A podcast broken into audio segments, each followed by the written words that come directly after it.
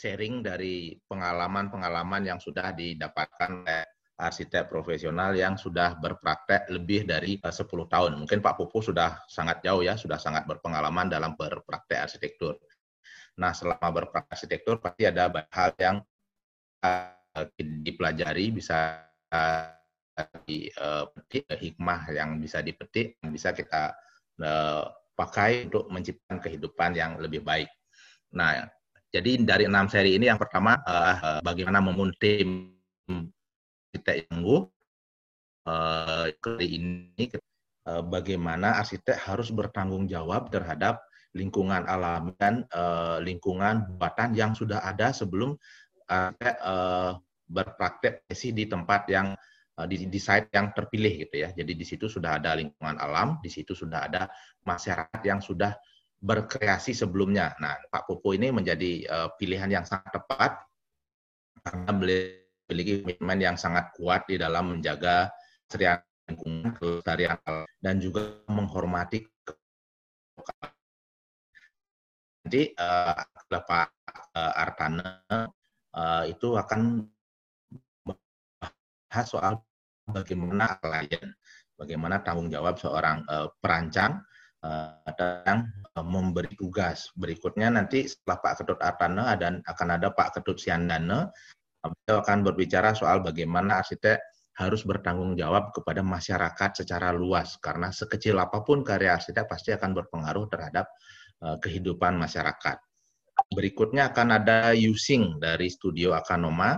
Using ini adalah arsitek yang berkecimpung di bidang perumahan dan permukiman untuk masyarakat uh, Jadi Using akan berbagi pengalaman soal uh, bagaimana mengelola arsitektur untuk masyarakat tanpa kumuh gitu ya. Jadi uh, beliau adalah aktivis di Kotaku, kota tanpa kumuh. Yang terakhir akan ada uh, Yori Antar. Ini Yori Antar ini kolega dekatnya Pak Popo. Pak Yori saat ini sedang mengerjakan uh, banyak proyek-proyek uh, bersama uh, rumah suh. Kita akan menggali bagaimana peranan beliau dalam menggali uh, arsitektur lokal. Nah, minggu lalu pertama di Rahman sudah uh, memberikan materi. Saya akan uh, membaca sedikit kesimpulan yang kita dapatkan minggu lalu. Yang pertama adalah Andi Rahman menyebutkan bahwa arsitektur di Nusantara pada masa lalu itu mampu dibangun dalam skala yang cukup spektakuler kalau dibayangkan dengan waktunya. Jadi keberhasilan tersebut disebabkan oleh nilai-nilai uh, apa namanya itu uh, uh, tidak dibangun secara individu tapi dibangun oleh masyarakat komunitas ketika pendidikan arsitektur Indonesia tahun 1920-an, eh, nilai-nilai komunalitas itu menurutnya Rahman mulai memudar karena nilai-nilai individualisme mulai mencuat di pengeroyongan di dalam hal arsitek mulai memudar. Kemudian uh, sebetulnya ada upaya-upaya untuk mengembalikan uh, uh, apa gerakan komunalitas arsitektur misalnya aksi dilakukan oleh Romo Mangun di Yogyakarta, eh, Pak Eko Prawoto juga di Yogyakarta, kemudian ada juga Pak Yoko Sare eh, di Bali dengan proyek yang. Kemudian kolaborasi antara arsitek perencana dan klien menjadi keniscayaan di masa sekarang. Nah, jadi di ini yang mengelola sendiri tukang-tukangnya, mengelola sendiri komandonya, dan bersama dengan kliennya dia mengeksplorasi berbagai kemungkinan uh, arsitektur. Jadi hasil-hasil belajar dari uh, yang dilakukan oleh oleh Andi Rahman dapat menghasilkan ilmu baru ya bahkan uh, dalam kasus Rahman dia bisa industri untuk memenuhi uh, permohonan atau dari si perencana yang sudah disepakati bersama klien. Nah hari ini uh, bersama Pak Puko kita akan uh, apa belajar banyak bagaimana arsitek harus bersikap terhadap uh, lingkungan alami dan lingkungan buatan yang sudah ada sebelum proyek mulai dikerjakan. Diskusi hari ini akan dipandu oleh Pak eh, Nyoman Warnate. Jadi waktu saya uh, serahkan kepada Pak Warnate untuk memandu diskusi ini. Silakan Pak War. Baik, terima kasih Pak Mandi atas waktunya. Pak Popo Nanas yang saya hormati, selamat pagi Pak Popo. Selamat pagi. Selamat pagi uh, Pak Warnata, Pak Mangge. Baik, selamat pagi juga pada para peserta yang lain dari mahasiswa dari umum yang uh, menyempatkan diri untuk dalam ada ada dalam diskusi ini. Uh, seperti yang sudah disampaikan tadi bahwa diskusi ilmiah jurusan sektor FTP 2020 ini adalah yang seri kedua dengan judul tanggung jawab terhadap lingkungan dan heritage. Uh, nampaknya bukan hal yang uh, aneh bagi Pak Danas khususnya karena saya tahu Pak Danas dari dulu memang intens untuk urusan lingkungan dan heritage. Namun demikian kepada yang lain, khususnya kepada mahasiswa dan peserta yang lain, barangkali saya hanya mengingatkan kembali bahwa kaitan dengan heritage itu kalau boleh saya bantu sedikit tentang ingatannya dengan beberapa pengertian-pengertian seperti yang dicantumkan di bawah ini. Yang pertama misalnya dari Kamus Inggris Indonesia, dari John McCall dan Hasan Sadili bahwa yang disebut dengan heritage itu adalah sejarah, tradisi, dan nilai-nilai yang dimiliki suatu bangsa atau negara selama bertahun-tahun dan dianggap sebagai bagian penting dari karakter bangsa tersebut. Kemudian dari UNESCO sendiri mengatakan bahwa heritage sebagai warisan budaya masa lalu. Masa lalu, lalu kemudian harus diselesaikan dari dilestarikan dari generasi ke generasi karena memiliki nilai-nilai yang luhur itu berapa hal tentang heritage meskipun kemudian ada beberapa pengertian heritage yang dibagi menjadi pusaka alam, pusaka budaya dan pusaka sejarah. Uh, barangkali itu sebagai satu uh, pengertian tambahan saja untuk kita semua khususnya uh, pada saudara mahasiswa untuk dengarkan kembali bahwa diskusi kita pada saat ini adalah atasnya pada tanggung jawab terhadap lingkungan dan heritage. Uh, kembali pada Pak Popo Danes yang saya hormati.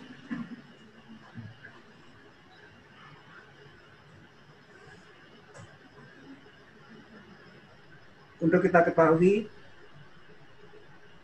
saya yakin mahasiswa sudah pada tahu Pak Fodanes karena hari ini adalah hari yang keberapa mungkin dia yang saya tahu dua dua kali keluar Madewa dan hari ini adalah yang ketiga dan itu uh, beliau abdikan untuk uh, jurusan arsitektur khususnya yang di Warmadewa. Nah untuk mengingat kembali pula bahwa uh, tentang sipil Bapak Danes itu yang saya bisa sampaikan kepada uh, mahasiswa khususnya dan setelah lain bahwa Bapak Danes ini adalah seorang arsitek yang juga sebagai penggiat budaya dan pariwisata, tidak arsitek top. Dan kemudian dari sisi, sisi itu tentang kiprah beliau itu sudah ada tidak hanya di Indonesia, tapi kepada Asia Pasifik, dan kemudian di Indonesia ada Bali sampai Indonesia Timur. Dan koneksinya adalah sejabat biasa Pasifik, sekaligus juga penggiat yang sangat aktif. Karena dia termasuk sebagai salah satu anggota aktif Nasional Arsitek. Lalu yang lainnya adalah tahun 2011 sampai tahun 2018, Pak Bodanas dipercaya sekali untuk sebagai Ketua Komite Desain untuk Indonesian Indonesia Tourism Development Corporation itu Indonesia dua. Dan kemudian di studio beliau sendiri kita ketahui bersama bahwa studionya bukan untuk menggambar atau arsitek semata tapi untuk generasi-generasi muda. Apa yang kita kenal dengan under big three. Itu yang lewat 30 tahun saya 30 tahun beliau kumpulkan lalu kemudian adakan diskusi untuk kemajuannya. Dan tentu juga tidak lupa anak-anak. Apa yang disebut dengan uh, for Kids. Itu beliau menyelenggarakan juga. Dengan demikian anak-anak sudah dikenalkan pada dunia arsitektur dan dengan dan, uh, Danes Art Veranda yang, yang digelar, kita bisa makan sambil menggelar beberapa hal di sana dan di sana dipakai juga tidak hanya sebagai kegiatan arsitek juga bisa dipakai kegiatan budaya yang lain. Untuk penghargaan uh, mungkin tidak, tidak bisa uh, banyak sekali. Uh, Salah satu yang penting adalah mendapatkan dua kali penghargaan ASEAN untuk kategori bangunan tropis dan dua kali penghargaan karya konstruksi Indonesia. Bisa tentu banyak penghargaan yang lain yang tidak bisa disebutkan di sini dengan sedang waktu. Uh, Bapak Danas, Bapak Danas yang saya hormati dan para peserta yang lain, dari segi waktu disediakan dari pukul 9.30 sampai pukul 11.30 namun demikian, dalam kesempatan diskusi ilmiah yang baik ini, seandainya ada tambahan waktu, barangkali kita maklumi bersama dengan catatan tentu masih dalam koridor tanggung jawab terhadap lingkungan dan heritage sebagai bahan diskusi kita hari ini.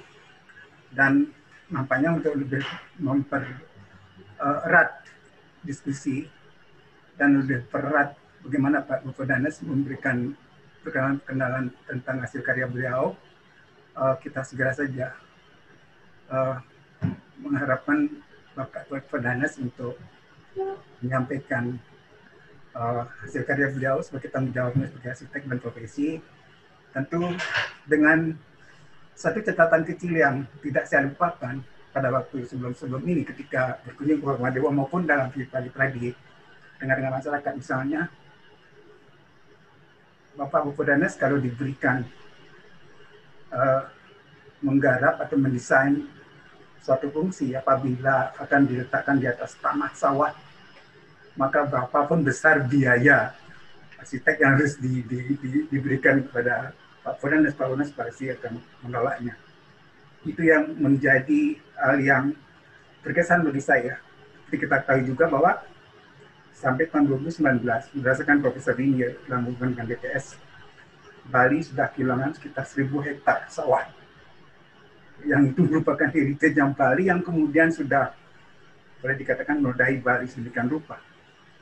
Nah barangkali apakah itu salah satu kenapa Pak Fodanes uh, tidak mau mendesain di atas sawah, itu lebih lengkapnya dan lebih jelasnya kita langsung saja kepada tahap berikutnya adalah kami persilakan yang saya hormati Pak Gubernur untuk menyampaikan apa pun karya beliau bapak-bapak untuk kita uh, uh, ini dan setelah itu uh, akan disampaikan diskusi kepada mahasiswa dan tentunya kepada publik yang mengikuti.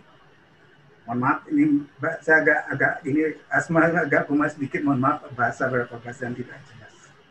Terima kasih Pak Pedanes yang saya hormati silakan. Ya, terima kasih Pak Warnate, Pak Mangde, dan semuanya. Ya, arsitek luas sebetulnya ya. Jadi yang paling basic secara arsitektur adalah juga masalah spek ya, karena saya dapat undangan jam 9 acaranya mulai, saya bengong jam 9 di sini nggak ada ini, ya saya terpaksa tinggalin ngurusin kerjaan dulu. Jadi eh, ya itu sebetulnya bagian dari profesional profesionalisme arsitektur arsitek dan saya nanti eh, karena di dalam undangan itu juga saya taat-taat saja dengan karena saya tidak saya kalau waktunya diatur saya pasti ikutin gitu ya. Jadi dibilang sampai 11.30 saya nanti 11.30 mohon udah selesai karena saya 11.45 udah ngundang orang untuk ada agenda lain di sini gitu ya. Uh, jadi uh, kita bisa ini bisa mulai. Jadi kalau uh, soal arsitektur di Bali memang menarik, uh, akan tetapi saya juga tidak mengerti kenapa uh, sedikit sekali menurut saya. Ini saya sempat membuat ketersinggungan di kalangan arsitek di Bali, tapi saya tidak apa-apa berbicara fakta. Sedikit sekali ada sarjana arsitektur di Bali yang uh, berkiprah secara baik ya artinya kalau lihat Warma Dewa sudah lulusin berapa orang, Udayana sudah lulusin berapa orang, e, ternyata sedikit sekali orang yang mau bekerja sebagai arsitek e, profesional gitu ya.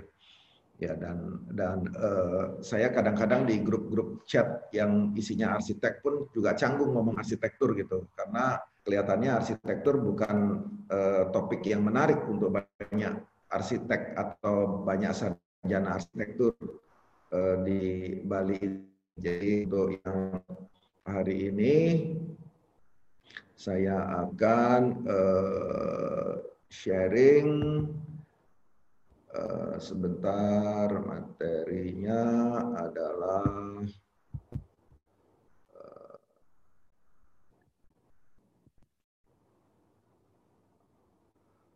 Oke, bisa dilihat di screen ya semuanya ya.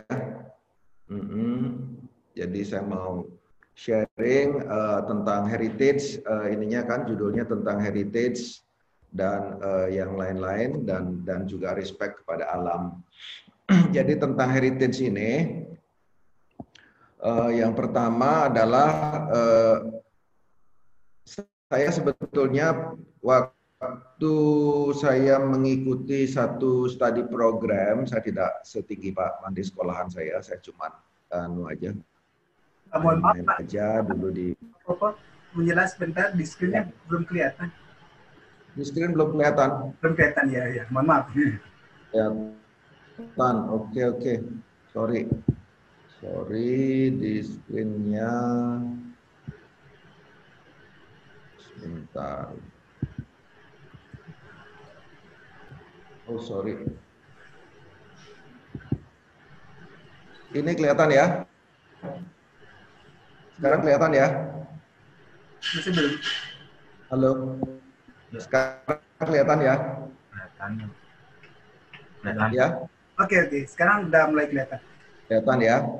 Jadi dulu saya 9 tahun 92 di di Belanda banyak melihat orang apa di Eropa terutama kota-kota itu bangunannya tua, tetapi di dalamnya sudah termodifikasi gitu ya di dalamnya sudah termodifikasi. Jadi eh, di sinilah saya melihat bahwa eh, identitas sesuatu waktu, identitas sebuah masa itu penting untuk ditandai oleh arsitektur.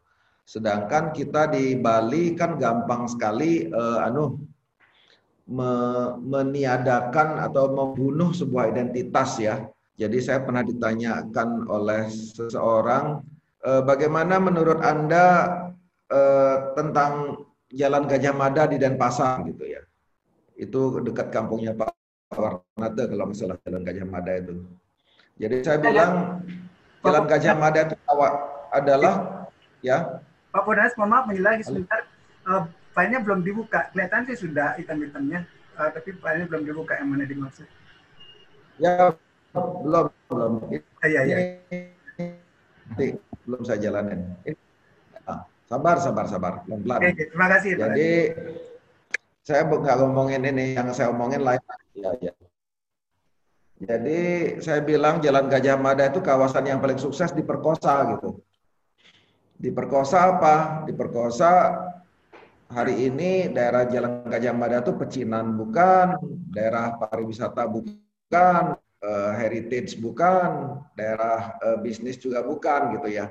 Karena terlalu banyak identitas yang dikacaukan di situ gitu itu ditanamin pun semua untuk di Bali jadi, uh, apa soulnya sebuah tempat itu penting itu jadi uh, sehingga di sana saya mendapatkan inspirasi-inspirasi bahwa uh, penanda uh, arsitektur sebagai landmark itu penting sekali ya jadi di Denpasar misalnya kalau kita orang-orang lama tahu bahwa di ujung baratnya pasar itu ada kantor AO Azambrut gitu.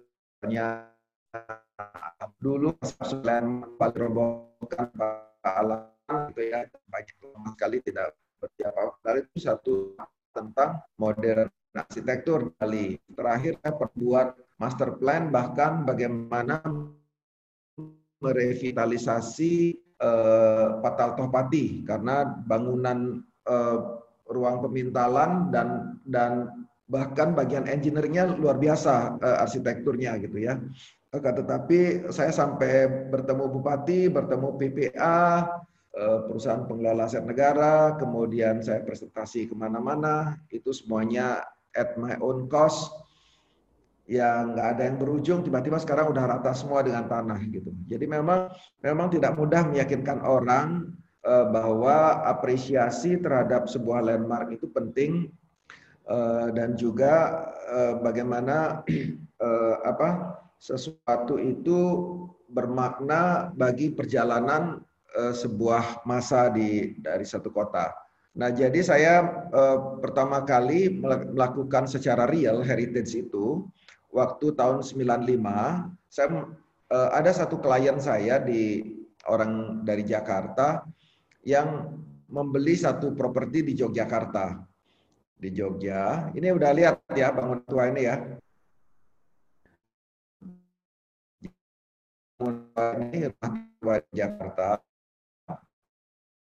Kemudian uh, saya diminta, kamu tolong datang ke Jogja, kemudian liatin uh, properti yang baru kita beli, dan karena kita kamu ke Jakarta untuk berdiskusi dengan kita apa yang akan kita bangun di situ gitu ya. Jadi uh, uh, ceritanya akan dirobohkan. Kemudian Bangunan begitu Jogja saya sampai di Jogja, saya lihat, ya. Bangunan Jogja belum kelihatan. Bangunan Jogja belum kelihatan. Belum belum kelihatan. Ya, ini di masih baru masih tetap ini aja, baru agen-agendanya.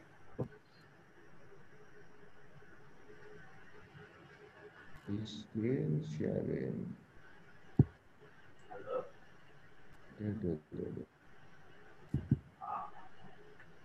Ya. Ini kelihatan. Ah, sekarang udah mulai kelihatan. Sudah, sudah. Terima kasih, terima kasih.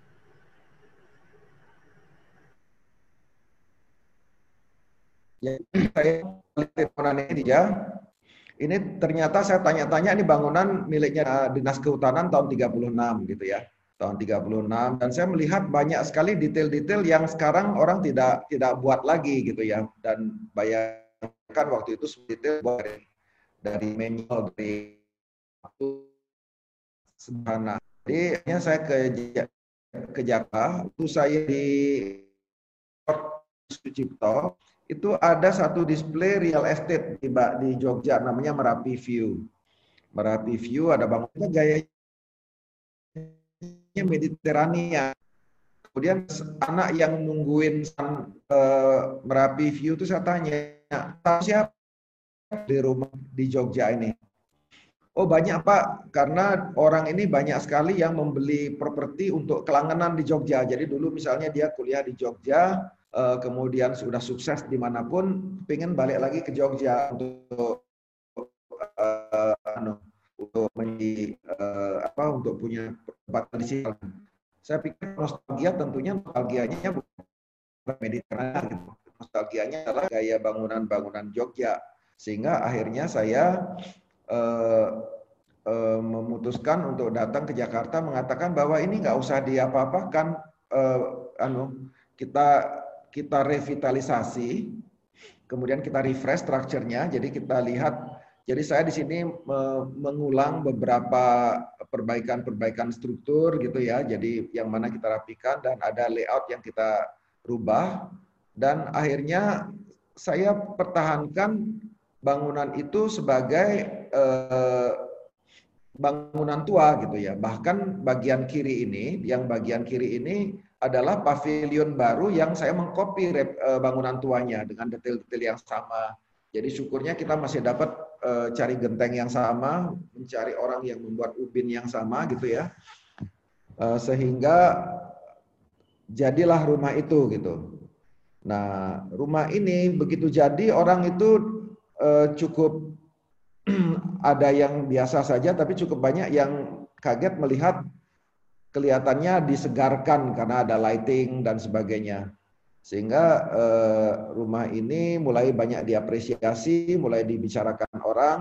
Tahun 2002 saya masukkan EI Award, ternyata dapat penghargaan untuk eh, konservasi arsitektur. Jadi ini satu satu pengalaman dan yang meyakinkan saya bahwa apresiasi terhadap eh, arsitektur yang baik secara heritage itu sangat penting dan bermakna dan ini sangat, eh, sangat diapresiasi oleh kota Yogyakarta sendiri. Jadi eh, beberapa tahun kemudian, lima tahun kemudian setelah itu karena banyak sekali ini di di apa diulas di media, sekarang rumah ini dapat status cagar budaya dari eh, Pemda Kota Yogyakarta. Kebetulan pemiliknya adalah orang yang tidak punya masalah dengan itu, artinya cagar budaya tidak boleh dibongkar, dia tidak punya isu, dia tidak kepingin menjual dan senang dengan status itu. Jadi eh, akhirnya dengan bangga Yogyakarta memiliki rumah Baciro ini sebagai cagar budaya. Jadi ini eh, pemandangan sehari-hari saat ini, ya. Nah kemudian saya melakukan untuk rumah saya sendiri. Jadi rumah ya keluarga kami di kawasan Tanjung Bungka di Jalan Laksmana di belakangnya pom bensin itu, pom bensin Hayam Buruk. Eh, itu rumah dibangun tahun 72, arsiteknya almarhum ayah saya. Jadi rumahnya seperti ini. Kemudian pada saat eh, kami ingin merenovasi rumah itu, saya merasa rumah ini sudah menjadi landmark untuk kawasan itu, walaupun kawasan perumahan terbatas gitu ya. Tetapi orang selalu penanda, jadi masuk belok kiri ada rumah putih di kanan, itu rumah putih itu jadi jadi penanda. Jadi saya tidak ingin merubah uh, fasad rumah ini. Jadi rumah ini kita rebuild, fasadnya kita pertahankan. Nah, walaupun di dalamnya sudah jadi beda gitu ya. Jadi sudah tidak suasana awal 70-an lagi dan dan ini uh, juga pada akhirnya mendapatkan uh, eh, IAI penghargaan IAI tahun uh, 2005. 2005 mendapatkan penghargaan IAI juga untuk konservasi. Jadi kita pertahankan dan dan rata-rata uh, orang yang tidak lewat selama enam bulan itu masuk ke rumah kaget ternyata rumahnya udah beda sama sekali di dalam. Jadi bagaimana kita mempertahankan identitas arsitektur saya merasa perlu untuk uh, sharing ini kepada terutama mahasiswa karena ya heritage kita unfortunately kita tidak memiliki lah gedung-gedung dari tahun 1700 dan sebagainya. Akan tetapi bagaimana kita bisa menghargai untuk tidak uh, main bongkar saja gitu ya. Jadi kalau ke depan ini kan banyak sekali akan ada eh, proyek-proyek yang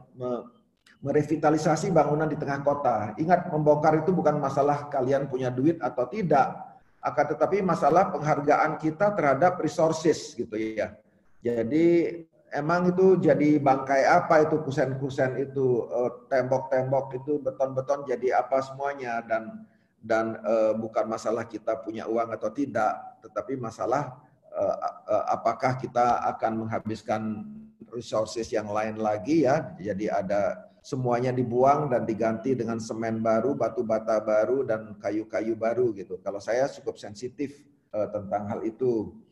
Nah, kemudian uh, karena happy sekali dengan rumah yang di Baciro Jogja itu, pemiliknya jadi gandrung untuk melakukan konservasi. Jadi membeli lagi rumah yang lebih bagus di daerah uh, Kota Baru, Jogja, dan minta saya melakukan uh, hal yang sama. Jadi Popo tolong dong uh, ini bikin lagi yang baru gitu. Jadi ini rumah di uh, Jalan uh, Dewa Oke di Kota Baru.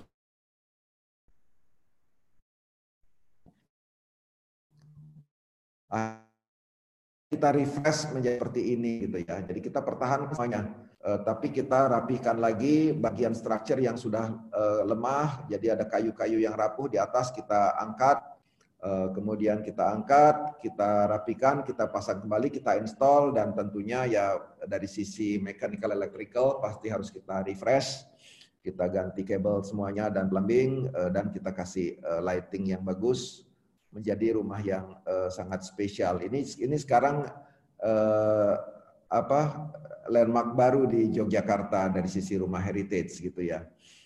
Jadi syukur saya sudah pernah melakukan sekali di Bali Kemudian eh, rumah Langko di di Lombok yang tahun 2018 mendapatkan penghargaan IAI untuk konservasi juga. Itu usang, jadi bangunan ini di 20-an. Tahun 20 adalah bangunan yang keren di Haram Lombok. Jadi pada 2013 itu site-nya 3000 meter persegi harus dijadikan apa? Kebetulan mereka dari keluarga pengusaha restoran, saya bilang dibangun jadikan mungkin saya bilang. Faktanya itu sudah satu meter di bawah jalan. Dan anu ya kapur.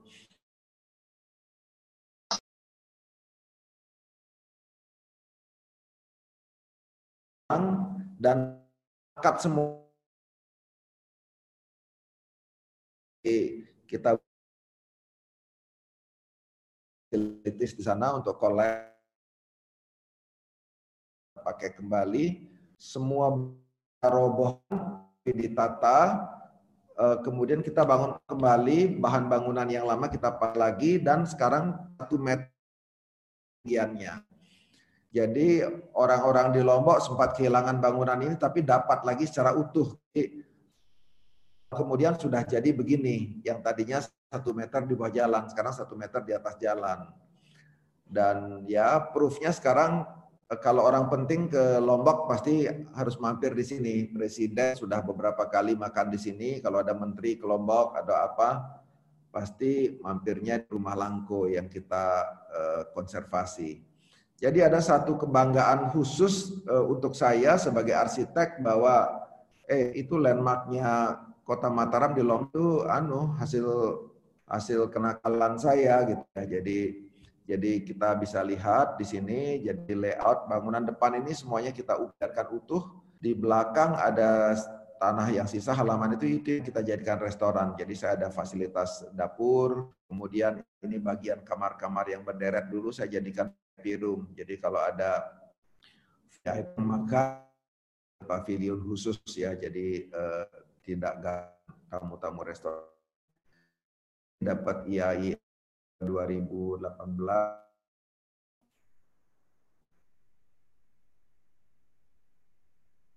Nah, ini jadi pada saat uh, berbagai bahan bangunan yang setara, jadi kita ini genteng, semua genteng ini kita dapat ya. yang datang dari ya sayang banget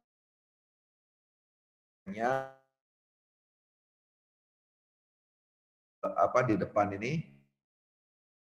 Saya keping yang utuh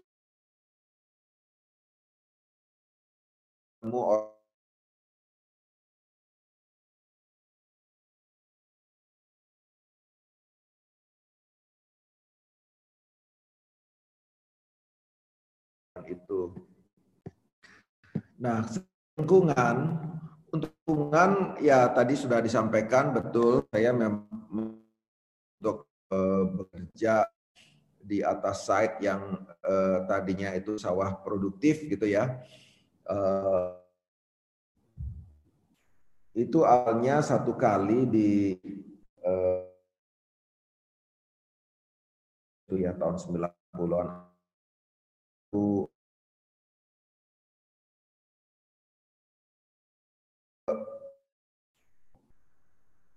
satu villa di satu site di Tewel. Jadi lagi saya diajak ternyata uh, itu ternyata saya melihat pindahan itu saya sebenarnya tidak suasana dramatis untuk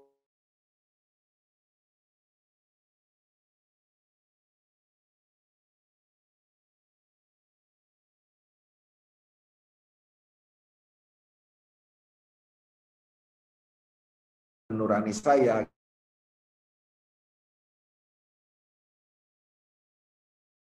Uh, saya mengatakan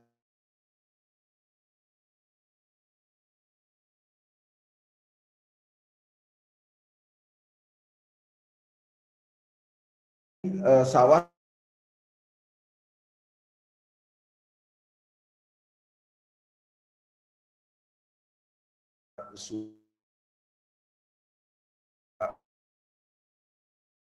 katanya sih 100 apa ada seratusan kilo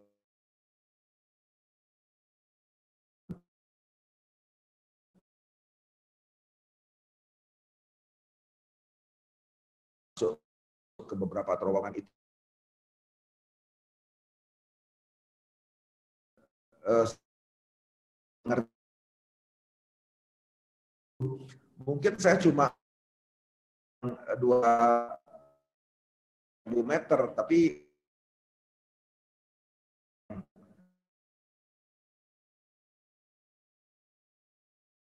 karena ini membuat land consolidation.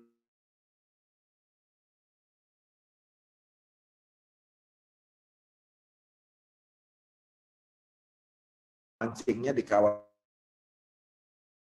eh, semua itu. Mar dibangun tahun 81 saya ingat SMA kemudian uh, bagian Jalan Gatot Subroto itu sekitar tahun 85 kawasan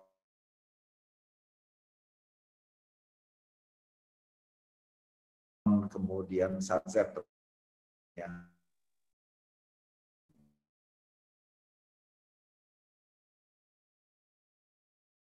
Saya mau coba dulu waktu saya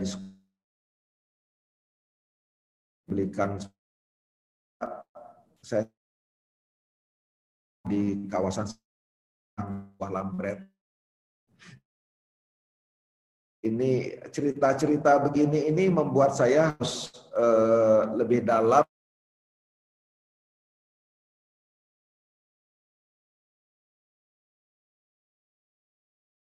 itu gitu.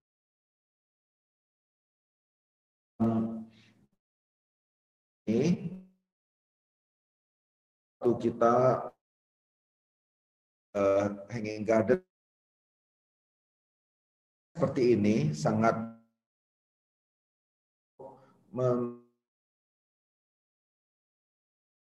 dan itu sering kali saya jadi buat ada satu villa kemudian kita konsekuensinya memang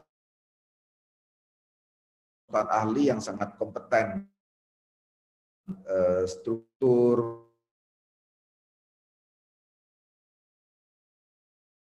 Bagaimana kita lihat di sini ada talang-talang ya, jadi beton dicor di atas, dikirim ke bawah gitu. Jadi cukup sebetulnya Tapi ya kita senang melihatlah bahwa situasinya jadi sangat hijau.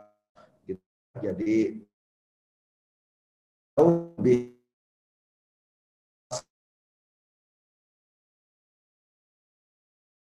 dan selebihnya saya mendapatkan apresiasi yang baik secara jadi kalau saya ke ke ini orang bilang kalau Pak Popo nggak di sini buat proyek, anak saya nggak sekolah gitu ya. Jadi rupanya sudah memberikan manfaat yang sangat baik eh, bagi masyarakat di situ.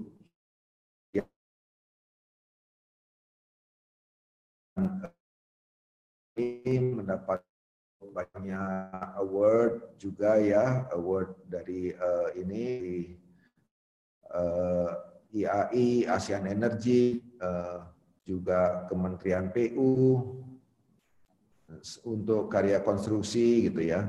Dan bersamaan dengan proyek lain namanya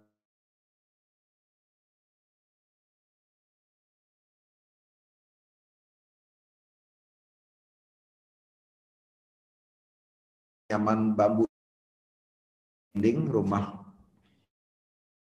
Akhirnya coba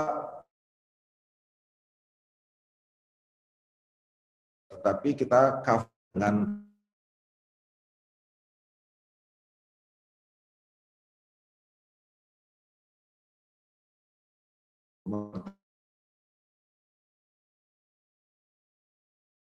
jadi rangkanya resort gitu ya secara jualan Fiverr. Bahan generator jadi kita uh,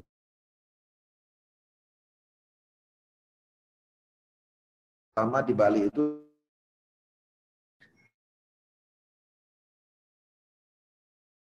karena melihat oh ternyata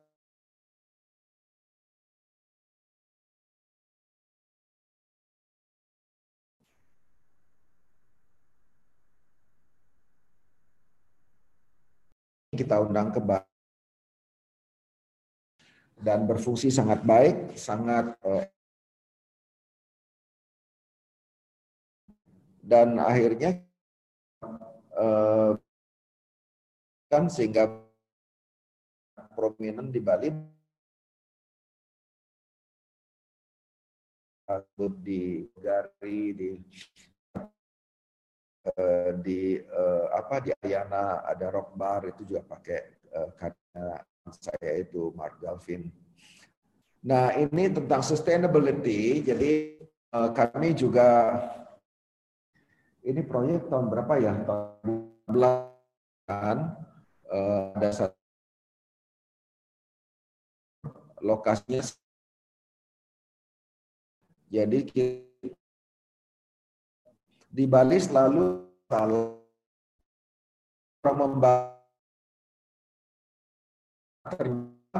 mereka mengekor infrastruktur. Jadi eh, misalnya kalau ini dibangun, saya pakai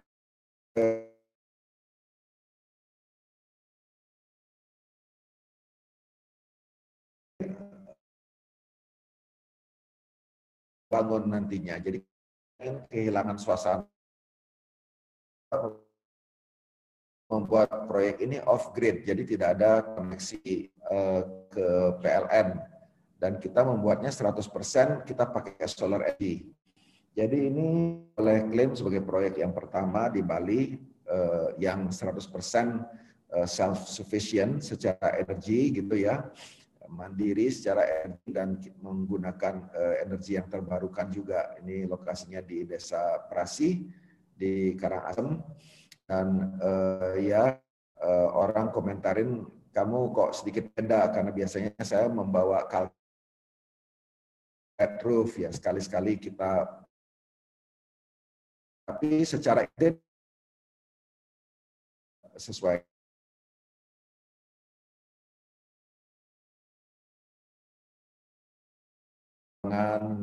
tapi saya buat eh, warnanya silver sebagainya. Dan ini lantai semuanya saya pakai uh, lantai juga dan kita mendapatkan satu estate yang seperti ini cukup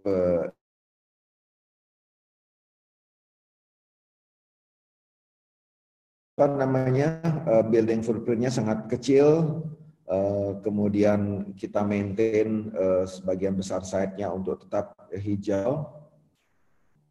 Ya, dan uh, kemudian kita ada proyek yang baru-baru saja di um, Desa Munduk dekat kan jadi ada uh, satu restoran yang tadinya berantakan gitu ya. Jadi restoran di eh, restoran ini dibangun karena spotnya menarik, view-nya bagus, kemudian dia mulai dengan skala kecil, pavilion kecil, ternyata bernambah terus, nambah terus, menjadi satu besar tapi kurang keras. Nah, pemiliknya berinisiatif untuk membangun kembali itu desain mulai dari akan letaknya ya yang sangat krusial. Uh, akhirnya uh, saya ber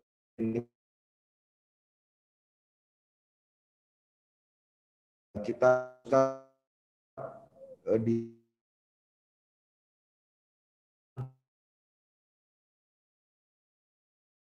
yang ini milik publik ya. Mungkin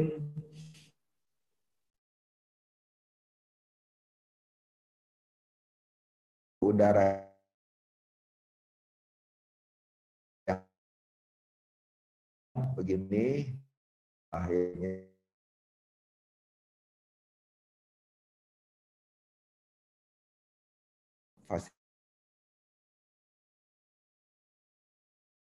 di bawah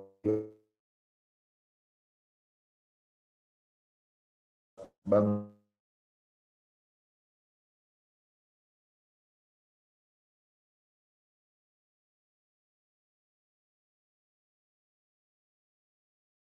uh, uh, ini saya jadi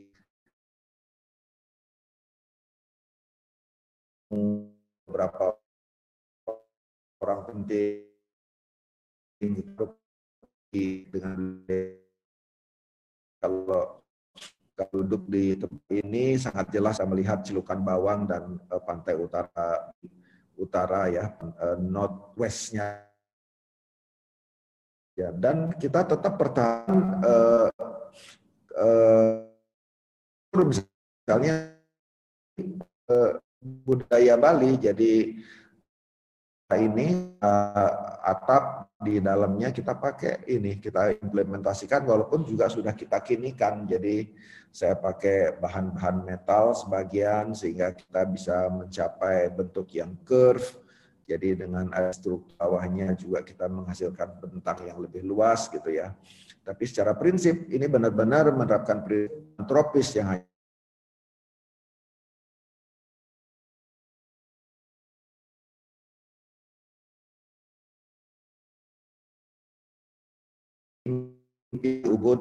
sebetulnya di dan ini bagian side sawah. Lainnya ini tanah kering nggak produktif. Jadi saya, saya ini bahasa saya tidak mau gangguin ini bagian ini. Belum officially opening saya Ini kelihatan sawahnya itu masih utuh. Sawahnya itu masih utuh dan terkoneksi baik dengan sawah tetangga gitu ya. Dan kita memiliki yang cantik eh, dengan juga respect terhadap budaya Bali gitu. Jadi ini ini beberapa, beberapa materi yang saya bisa share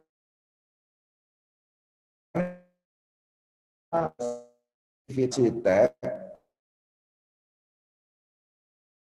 uh,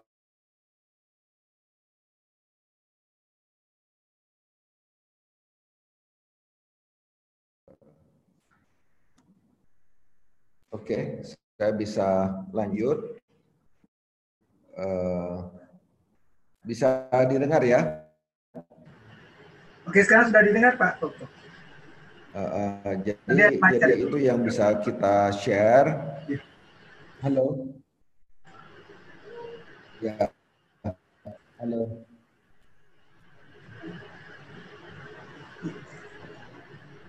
Halo. Aha, ya Pak Warnate. Ya, halo. Iya. ya. Ya, jadi kita bisa berinovasi yang lain ya. Jadi pada saat kita menggunakan material bambu dalam arsitektur, saya tidak merasa harus latah menggunakan bambu ala green school yang bagaimana bagaimana gitu ya. Jadi yang copy mengcopy. Jadi kita tetap bisa tampil genuine bahwa banyak sekali cara-cara mengolah material itu. Dan juga ini sebetulnya kalau saya boleh bercerita tentang pengalaman kita sebagai eh, global designer. Jadi uh, arsitek-arsitek atau sangat memperlihatkan kejadian mapping kita sebagai negara yang banyak memiliki resources. Maksud saya begini, kalau saya bekerja, saya pernah ke Dubai, saya banyak ya dengan orang Singapura. Mereka mereka itu datang dari negara yang resources mereka uang gitu. Jadi mereka punya uang. Jadi kamu perlu pakai apa, ya tinggal beli gitu kan. Sedangkan kalau kita di sini kan tidak sesederhana itu. Kita ingin mengapresiasi apa yang terjadi di sini, masalah ketersediaan bahan ya, kemampuan craft kita ya. Jadi craft eh, ketukangan dan kerajinan kita tuh masih eksis, masih terpelihara. Jadi kalau kalau saya kerja, saya arsiteknya, interior desainernya orang Singapura itu habis-habisan saya marahin biasanya, karena mereka nggak punya nggak punya baki untuk naruh spek gampang aja. Oh nanti pakai Spanyol ya, ininya nanti yang import dari China, ininya yang dari Jerman. Kalau kita kan kita bisa bisa minta lokal untuk membuatkan prototipe gitu kan. Saya kadang-kadang, eh kamu stop dulu, uh, buang tuh spek kamu, saya buatkan deh, saya kenalkan kamu dengan pengrajin di Bali. Jadi di Bali itu pengrajin logam banyak, pengrajin bambu, pengrajin kayu, pengrajin batu, semuanya ada gitu. Sehingga inilah yang kita uh, bisa promote, tampil juga secara kolaboratif proyek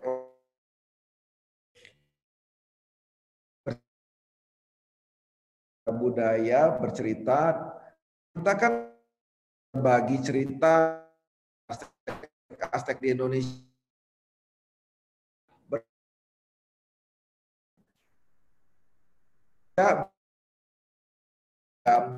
dan sebagainya tapi disuruh menjelaskan itu dia tidak mampu gitu. Jadi eh, dan kita selalu komplain kenapa kerja ini kita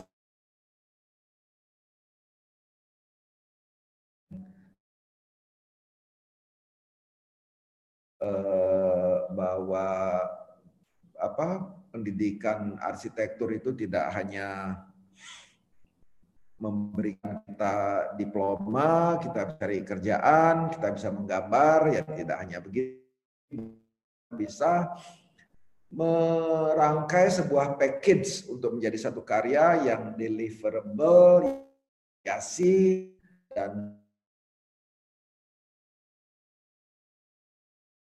baik dari pengguna ataupun pasar arsitektur. Jadi silahkan kalau kita ada ini tanya jawab, saya siap di sini.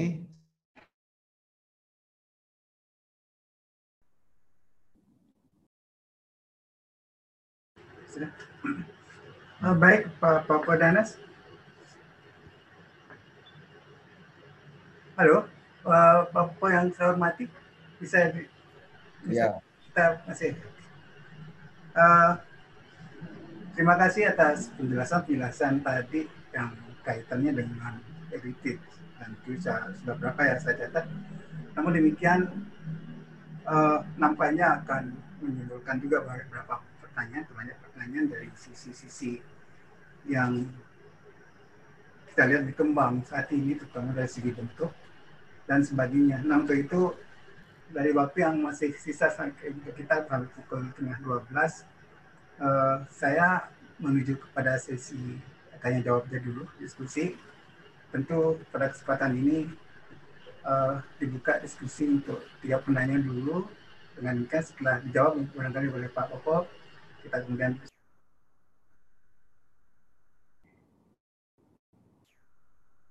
Oke. Okay.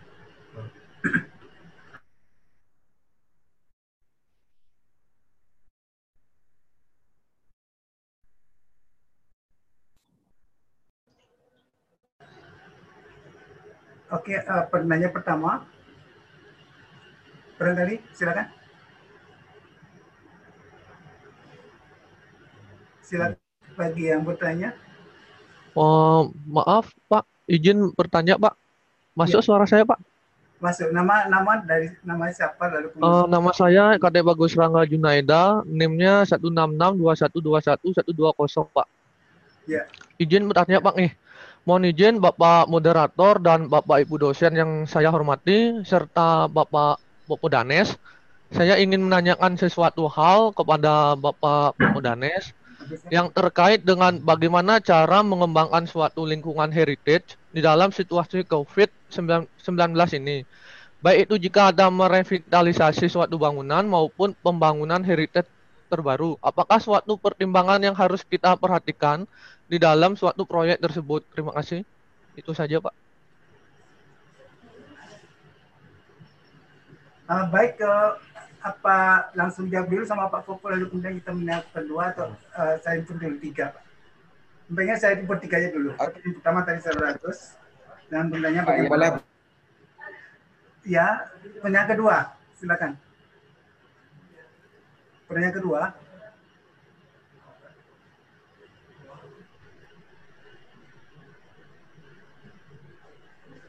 uh, mungkin saya siapa moderator Oh, ini, Pak Parwata. Izin.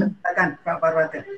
Ya, ya, izin Pak Moderator, Pak Nyaman Warnate.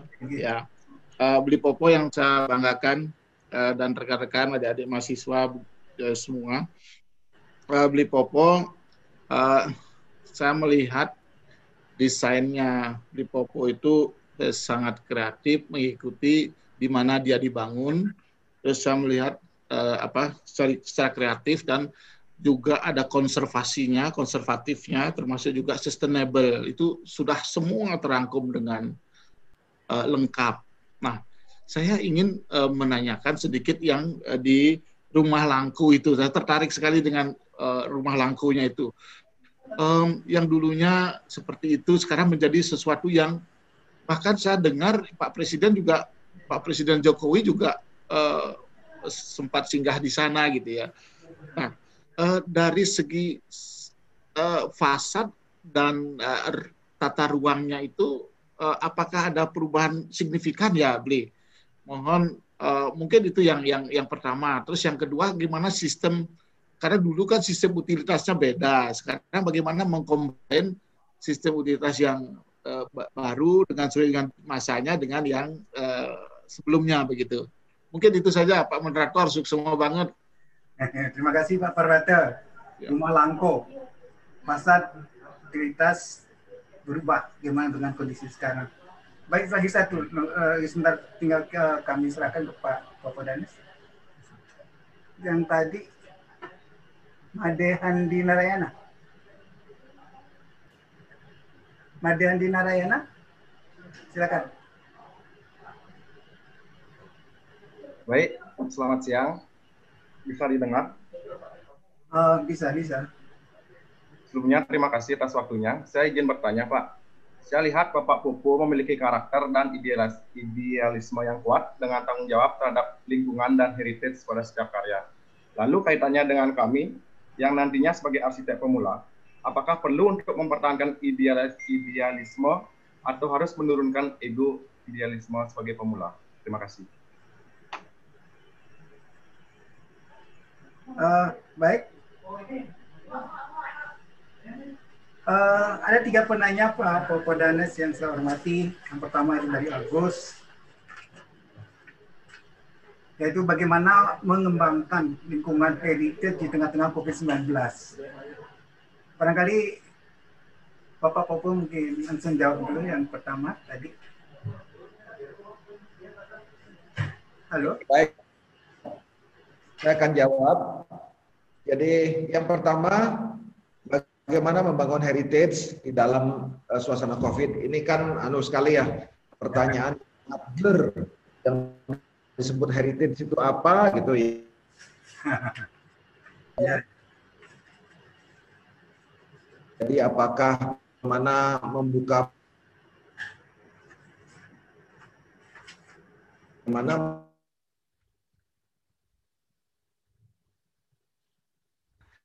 gitu. Tapi secara umum saya bisa. Maaf, suaranya nggak terputus-putus Pak Popo. Suara nggak terputus-putus. Jadi jadi uh, kalau suara putus. Jadi ya memang sekarang kan yang berubah adalah kapasitas itu berubah yang jelas sekarang ya. Jadi uh, karena kita kapasitasnya berubah, Misalnya satu tempat yang satu hari bisa dikunjungi oleh 100 orang, mungkin sekarang kita batasi hanya 30 orang misalnya. Nah, menurut saya tip untuk bisa itu berlangsung adalah membuat cerita yang lebih banyak. Kalau dulu kita udah udah bahasa Balinya udah sepanan melayani orang segitu banyak. Sekarang sedikit ceritanya kita angkat. Jadi banyak sehingga untuk tempat-tempat yang heritage itu bisa menyuguhkan quality yang lebih gitu ya. Jadi quality yang lebih dengan uh, storytelling yang lebih kompleks juga gitu ya. Tentu hal yang lain-lain uh, sangat basic menurut saya. Naruh uh, tempat cuci tangan itu itu pasti Yang jelas uh, kita harapkan heritage ini kalau saya menyebut heritage alam, ada yang tadinya masif hotel, sekarang kita buatnya sedikit sajalah. Kenapa? Karena dalam suasana COVID ini kita merasa kita tidak hanya membutuhkan kamar, tetapi kita akan merasa kalau metik makanan kita dari alam gitu ya. Jadi ada proyek yang skemanya kita rubah. Yuk, yang tadinya resort sekarang jadinya farmhouse gitu. Jadi dan juga suasana COVID ini kan memberikan kita guidance yang lain bahwa sama seperti kita sekarang banyak orang merasa bisa bekerja dari situasi yang remote. Jadi saya yakin beberapa mahasiswa ini gimana gitu kan. Jadi tidak selalu datang ke kantor di rumahnya untuk melakukan pekerjaan peluang untuk Bali. Bagaimana kita bisa mengattract orang-orang dari Hong Kong atau Singapura yang banget untuk datang ke kantor, yuk di Bali karena dari tengah sawah untuk ininya. Karena kita sekarang kan begitu ya, jadi kita misalnya server file dari mana dikirim. Jadi eh, ini satu peluang bagus sebetulnya untuk saya tidak menyebut Bali tapi Indonesia jadi yang bagus di Pelawangan itu semuanya. Yang kedua dari Pak Wayan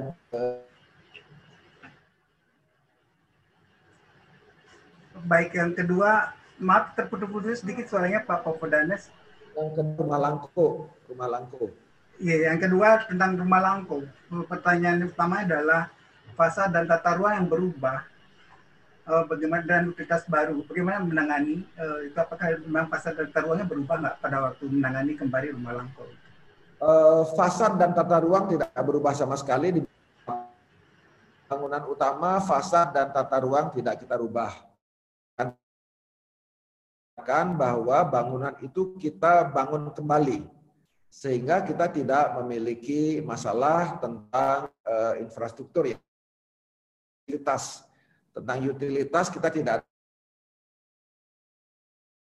uh, semua sistem cabling yang baru, baru gitu kali dan uh, dan memadukan, mengkinikan bagaimana fasilitas-fasilitas baru itu masuk ke dalam struktur yang lama gitu. Jadi kalau sekarang baik terutama bangunan yang sibuk secara secara adalah bangunan secara itu. Jadi itu aman tidak ada masalah. Jadi saya berharap sekali kalau di Bali misalnya ya kita lihat kawasan-kawasan lama di Bali sudah hancur semua rumahnya ya. Uh, seperti di Denpasar ini dulu banyak rumah-rumah tua di Jalan Jempiring, misalnya rumah-rumah Pemda itu sekarang udah hilang sama sekali. Jalan Melati sekarang udah hilang sama sekali gitu ya.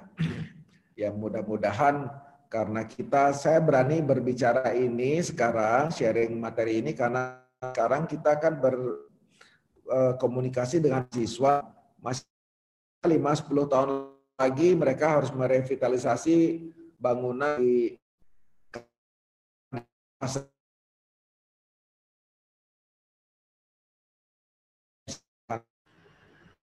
buruk bangunan aslinya berubah. Jadi tetap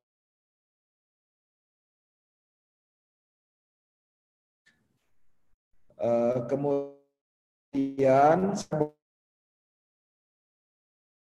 uh, ya, dari Andi Narayana itu bagi arsitek pemula tentang tanggung jawab terhadap hasil karya. Itu mereka harus masih mempertahankan idealisme atau ego idealisme mereka turunkan. Itu pertanyaan namanya uh, bekal kepada mereka yang akan menjadi arsitek-arsitek muda kemudian Pak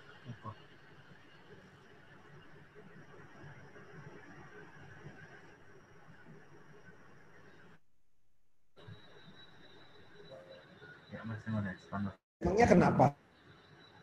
bukan urus. Halo, uh, terputus-putus Pak Popo. Kalau saya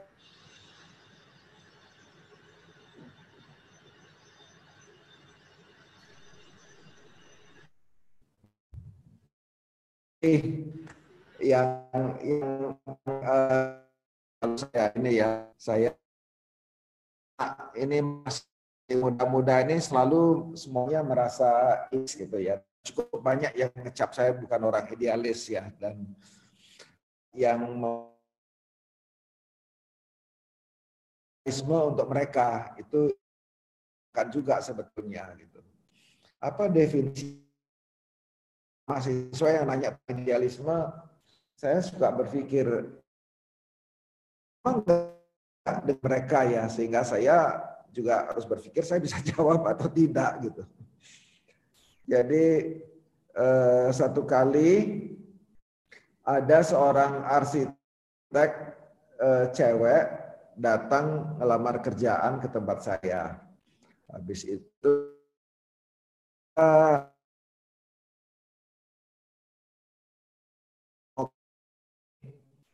saya punya biro arsitek pak eh, sama suami saya sekarang. Loh kamu punya biro arsitek? Kenapa kamu masih ngelamar pekerjaan gitu?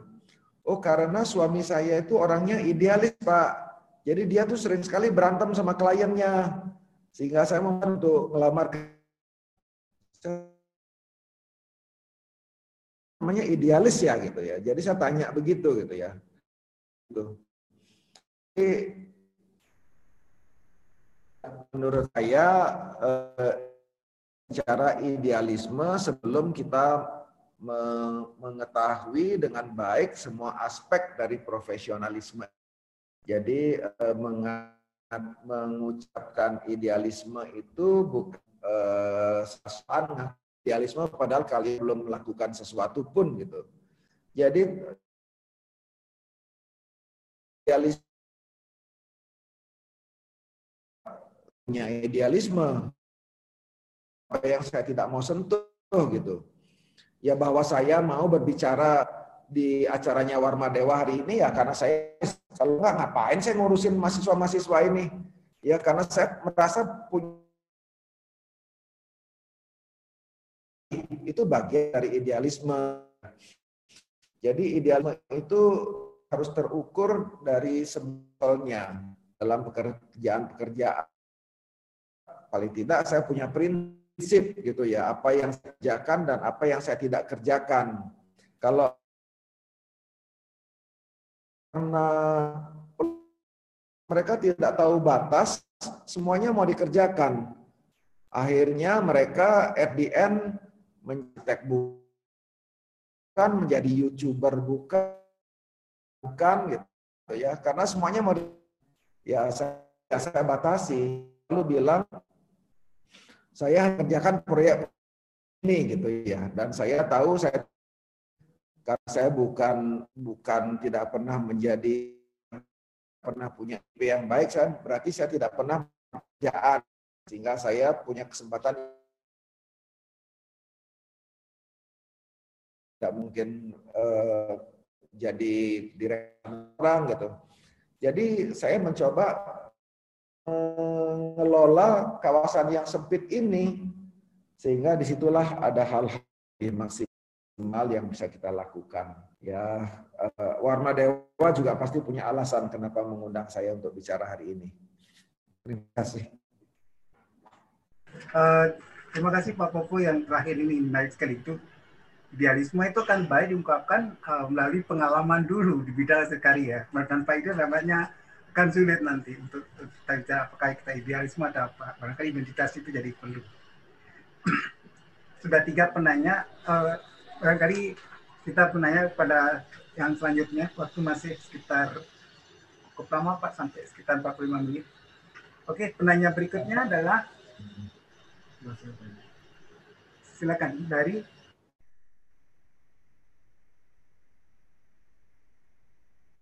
Oh iya. Silakan, ada yang bertanya? Berikut. sambil menunggu pertanyaan berikutnya ada tanggapan dari Titin Fatimah kepada setiap orang. E, isinya adalah salut salut Pak Popo, arsitek untuk perlu membedakan frekuensi lokal, material, kerajinan, dan lain-lain.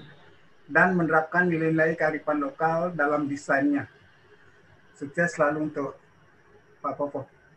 Itu dari Pak Titin Fatimah. Oke, okay, uh, eh, ini dari dari ide bagus Trisna Swelagiri. Ini pertanyaan, pertanyaan kayaknya. Selamat pagi, saya ingin mengajukan pertanyaan kepada Pak Popo. Pertatu, satu bagaimana cerita titik balik dari Pak Popo dari awal berkarir menjadi seorang arsitek di Bali sehingga bisa menjadi arsitek yang terkenal. Kedua, apa saja tips dan dari Pak Popo Danes di mana arsitek di Bali saat ini banyak yang tidak mendapatkan proyek desain akibat pandemi COVID-19. Ini ada pertanyaan tadi. Ini terima kasih atas tanggapannya. Intinya ada dua Pak Popo. Yang pertama, bagaimana cita-cita Bali dari Pak Popo dari awal berkarir menjadi seorang arsitek di Bali sehingga bisa menjadi arsitek terkenal. Silakan Pak Popo menjawab. Ya, arsitek arsitek itu sebetulnya profesi yang lah ketekunan dan bagaimana kita meyakini profesi itu adalah uh, sesuatu yang tepat untuk kita. Itu itu pandangan saya ya. Jadi saya sebutkan ketekunan adalah uh, kita tahu apa goal dari pekerjaan kita itu gitu ya menurut saya kita ini membangun portfolio gitu kan. Jadi ya pastilah kita juga harus mencari nafkah. Saya kerja untuk menghidupi diri saya dan menghidupi karyawan saya semuanya gitu pasti ada. Tetapi eh, agenda utamanya itu sebetulnya luas sekali. Kita mengcreate karya-karya yang kecil. Jadi makanya untuk seorang arsitek yang baik tidak ada proyek yang terlalu sederhana atau terlalu kecil ya karena proyek yang paling kecil pun bisa membawa ke karya kesempatan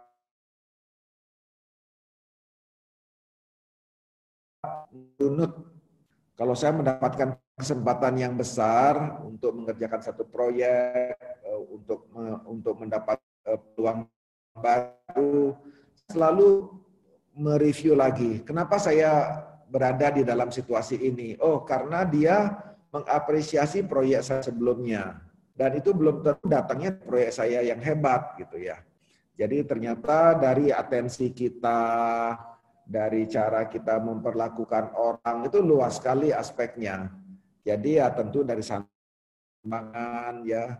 Dan saya kalau saya boleh cerita, saya cukup banyak kan proyek yang sebelumnya sepertikan oleh arsitek lain. Nah ini juga memberikan saya pelajaran. Jadi ya tentu secara etika saya harus bertanya juga kepada kliennya kenapa dia meninggalkan arsitek yang lama dan komunikasi dengan arsitek lama. Kenapa kamu meninggal bisa di arsitek tersebut, bisa juga di kliennya, bisa juga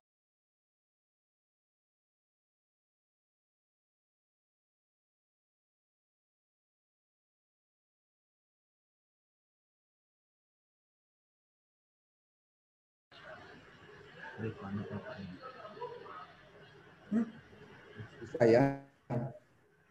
Jadi saja kliennya yang nakal kan karena saya dari sampai sekarang belum pernah dibayar itu bisa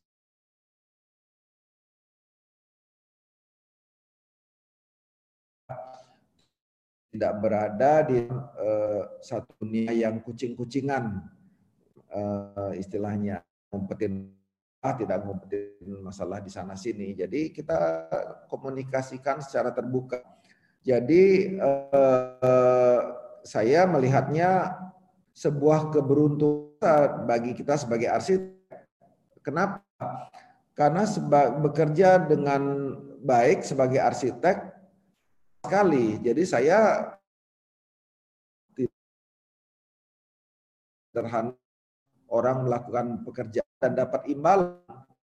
Ya, imbalan juga dapat dari jasa kita, kita mendapatkan portfolio eh, kemudian kita juga dalam beberapa hal bisa melakukan pengabdian kepada masyarakat juga, melakukan pengabdian kepada eh, pergi, kepada alam, karena kita menata yang baik gitu ya. Jadi saya melihatnya bahwa di tangan arsitek kita bisa merubah sesuatu itu di surga gitu kan. Jadi makanya saya senang bahwa arsitek harus nice. Jadi begini banyak di mulai lebih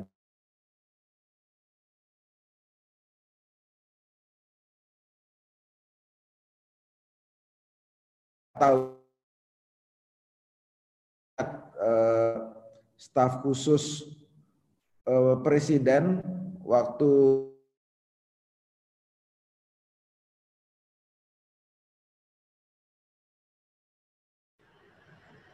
Maaf, kurang jelas. Halo. Ya. Halo. Ya, bisa dengar ya? Ya, sekarang bisa. Ya, jadi pada saat presiden mengapresiasi, staf khususnya komplain di belakang. Kenapa pada saat presiden mengapresiasi ini tidak diperkenalkan arsiteknya siapa gitu misalnya ya. Jadi hal-hal yang begini eh, dan arsitek diperkenalkan tuh bukan sekedar untuk membuat arsiteknya terkenal, tapi arsiteknya tanggung jawab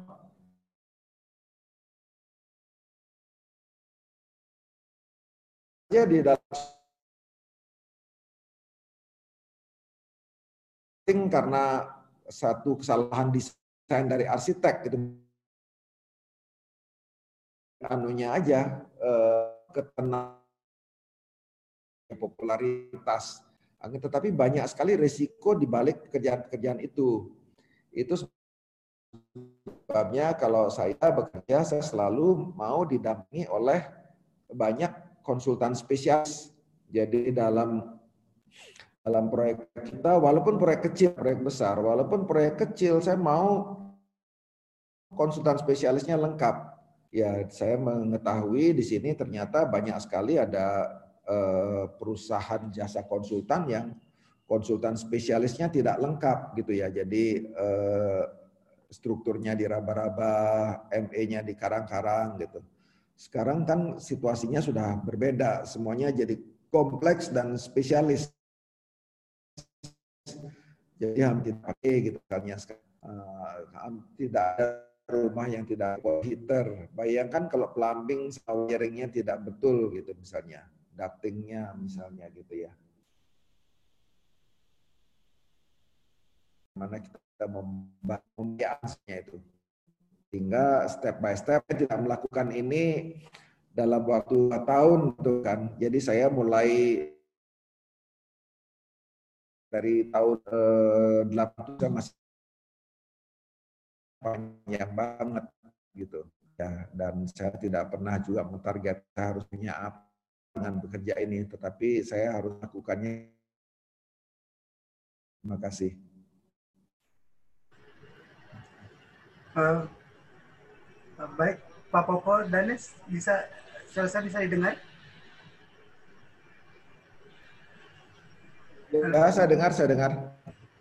Saya... Oh, terima kasih pertanyaan ketiga saya, tadi sudah sampaikan dari The Bagus Trisna Giri. Barangkali sebagai jawaban dari apa yang ditanyakan The Bagus itu ada berapa hal yang saya bisa catat. Mungkin kalau ada kurangnya mohon ditambahkan Pak Popo atau barangkali ada disentak kalau ada. Ya ada yang, yang, yang tidak pas. Pada salah untuk pertanyaan Ido Gus Narayana berhubungan dengan memiliki karakter idealisme yang kuat dan tanggung jawab terhadap lingkungan, itu barangkali ah, sudah, lagi sorry, bagaimana kita titik balik dari Pak Popo dari uh, awal terkait menjadi seorang arsitek ini beberapa uh, jawaban dari Pak Popo yang saya bisa catat. Yang pertama tentu tekun bekerja dulu untuk mencari nafkah sesuai dengan dengan apa yang menjadi tanggung jawab. Yang kedua, atensi dan tata cara memperlakukan orang secara ramah dan baik. Yang ketiga, komunikasi secara terbuka dan lancar apabila terjadi satu hal yang tidak berkenan. Keempat, bertanggung jawab terhadap pekerjaan dengan melibatkan konsultan spesialis yang lengkap. Barangkali itu sebagai suatu jawaban terhadap pertanyaan dari saudara saudara Nah demikian uh, kira-kira ada pertanyaan berikut, pertanyaan berikut uh, kami buka untuk tiga orang, pertanyaan berikut. Silakan. Ayo silakan pada mahasiswa atau barangkali dari peserta bapak-bapak ibu yang lain. Silakan.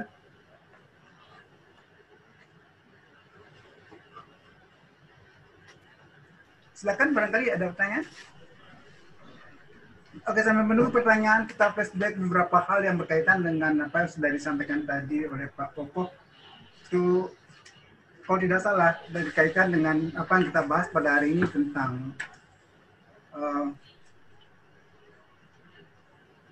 heritage, tanggung jawab seorang arsitek berkaitan dengan heritage. Itu ada yang menarik yang bisa kami petik dari ungkapan Pak Popo ketika memberikan penjelasan yaitu bahwa Bali khususnya yang kita cintai itu memiliki budaya, kemudian desain yang ramah lingkungan, kemudian ada cara mengelola material. Kita tidak perlu mungkin material yang sama, tapi bisa changing, tapi karakternya masih pada uh, yang semula. Kemudian untuk menunjang elemen desain sehingga bisa bersifat kolaboratif dengan berbagai disiplin sehingga ber, berguna untuk arsitektur ada kolaborasi yang perlu dilakukan pada uh, lingkungan. Dengan demikian ada hal yang bisa menjadi satu kesatuan. Dengan demikian pula bahwa heritage itu menjadi dia suatu hal yang nyata adanya. Barangkali itu sebagai satu uh, petikan yang bisa saya catat dalam kesempatan ini. Kembali saya ingin mendapatkan pertanyaan dari peserta. Silakan. Tidak ada? Sekarang saya kembali bertanya, apakah dari saudara-saudara mahasiswa maupun peserta yang lain itu menganggap sudah pas dari apa yang dijelaskan?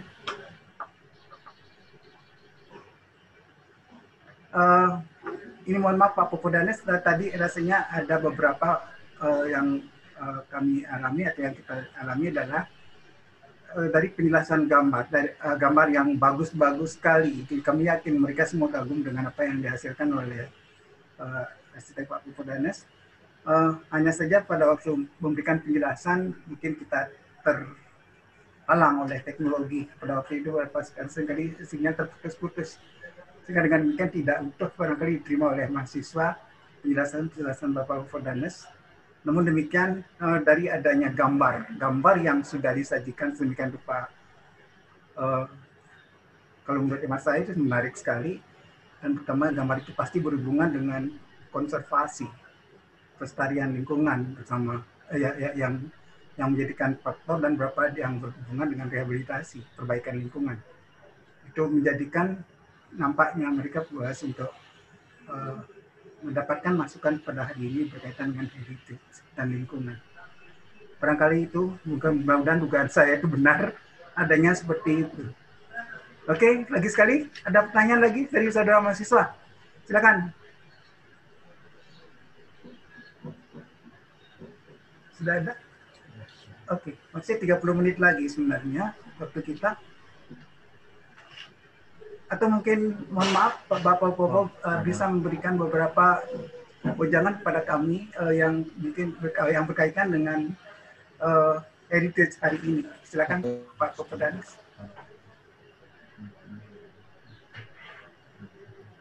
Ya, uh, uh, uh, kalau kita kan juga membantu para arsitek. Ya, untuk untuk mendevelop identitasnya gitu ya. Jadi mungkin beberapa di tempat itu ada acara yang uh, nah Architects Under Big Tree itu biasanya setiap Jumat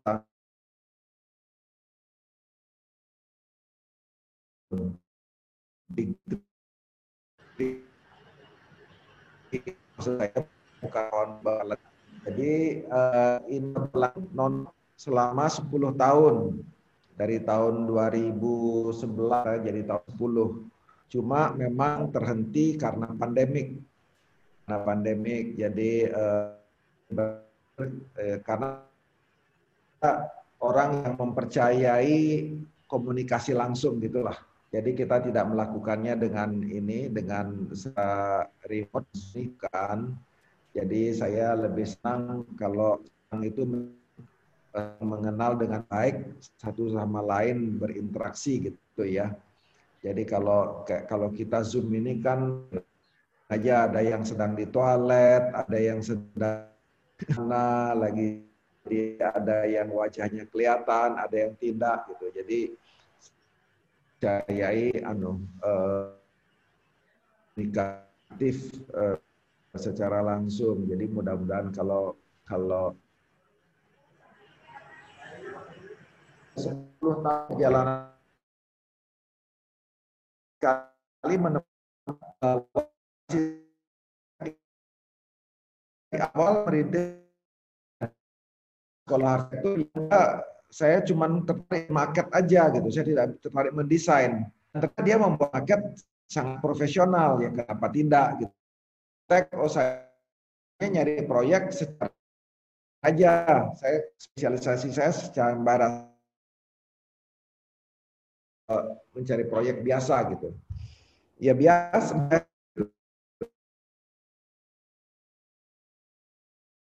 Uh, terputus-putus Pak Popo. Maaf. Ya, berarti ya sangat penting.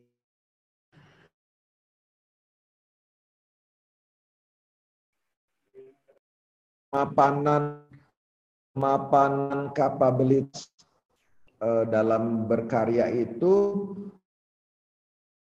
spesialisasi spesialisasi yang di screen keren fotonya backgroundnya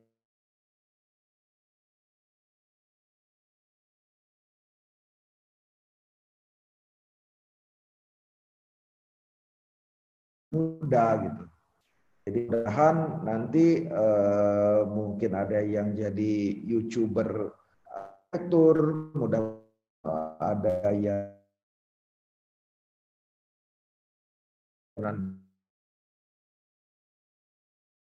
buat kita akan makin kaya tadi satu sama kita sendiri kita akan merasa bahwa kita ini saling mendukung dan yang paling penting adalah saling mengapresiasi.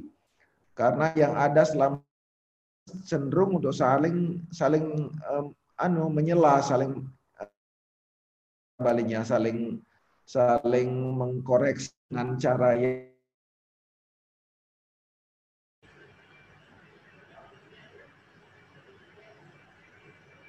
kita secara otomatis akan saling mengapresiasi bahwa saya kagum dengan karya saya Artek ini karena dia sangat pandai mengerjakan apa gitu ya sesuai dengan spesialisasinya.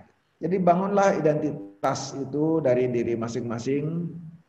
Ya tentu saya berbicara begini karena saya merasa beruntung saya sudah mencoba mengambil situasi itu dan saya sudah melakukannya dan ternyata sampai saat ini berjalan dengan baik ya. Semoga lebih banyak ada arsitek muda terutama yang bisa uh, bangun identitas dirinya, identitas profesionalnya dengan sebaik-baiknya. Jadi jadi dosen kalau jadi dosen yang sangat bagus dan sekarang kan tidak terbatas. Mungkin seorang dosen Warma Dewa karena kapasitasnya bagus, cara penyampaian materinya bagus, tiba-tiba dia ngasih story mana terus gitu ya. Jadi semuanya bisa dimulai dari hal yang sederhana.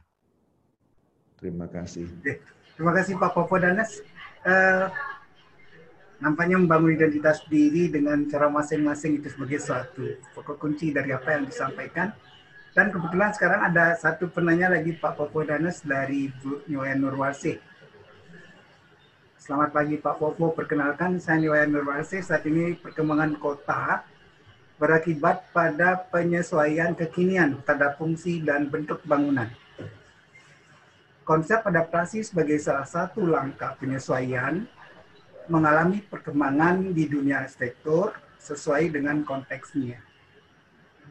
menurut Bapak, bagaimanakah konsep adaptasi heritage agar lebih relevan dan efektif? Barangkali itu satu pertanyaan saja yang masuk sementara dari kolom-kolom komentar.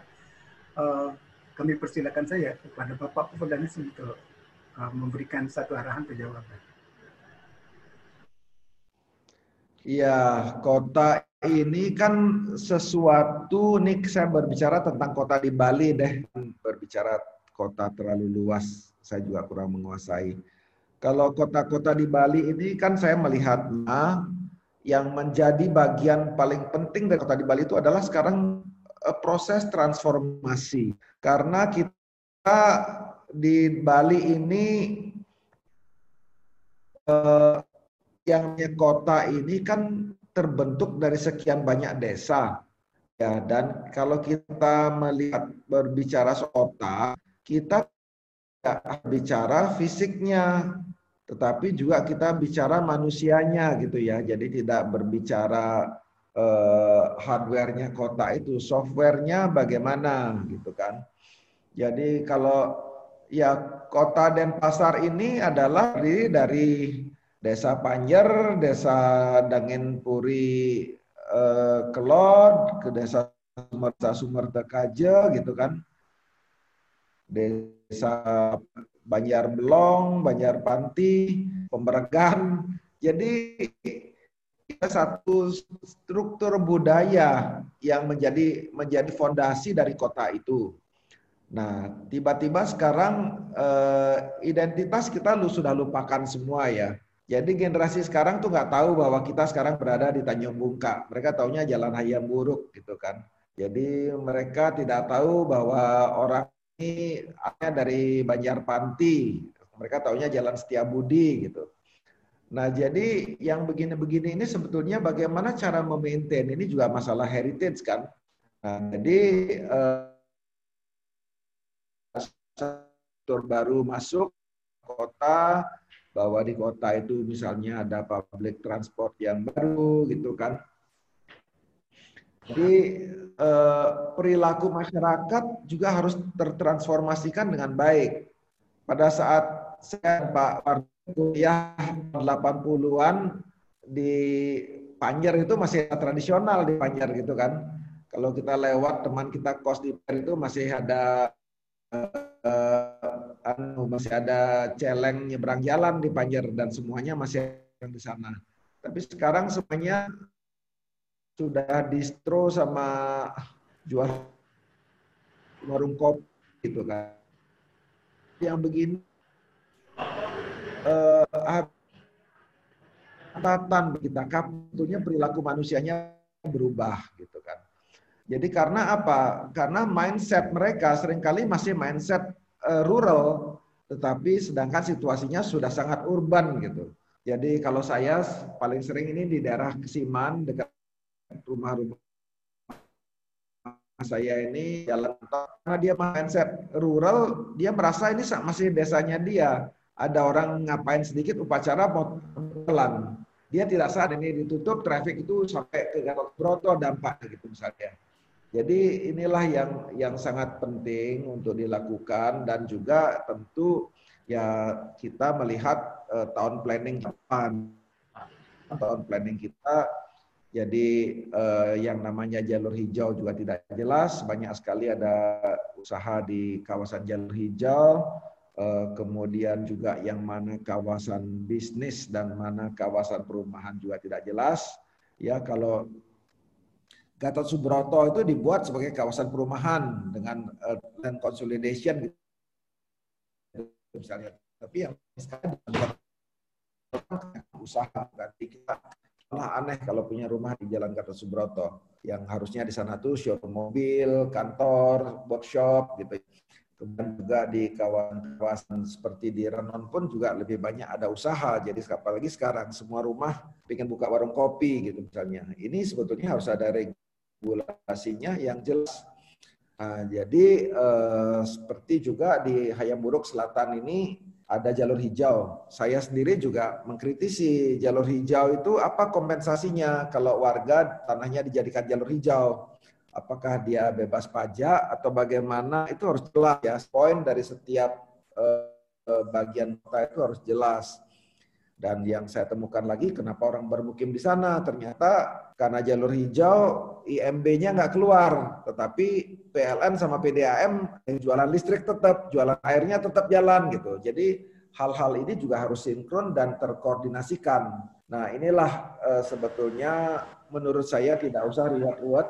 Kita bertanya kepada diri kita sendiri, apakah kita sudah sudah berada dalam uh, sebagai warga kota sudah menjadi bagian yang baik dari kota ini. Maksud saya rumah yang kita tempatin apakah sudah sesuai dengan gambar yang ada di IMB gitu misalnya ya. Jadi kalau kota yang benar merubah sedikit saja bagian dari rumah harus ada adendum di IMB-nya gitu misalnya. Uh, apakah, ya, uh, apakah itu berarti bahwa kita harus melihat master plan kota Halo? Bapak Pupadanes? Halo?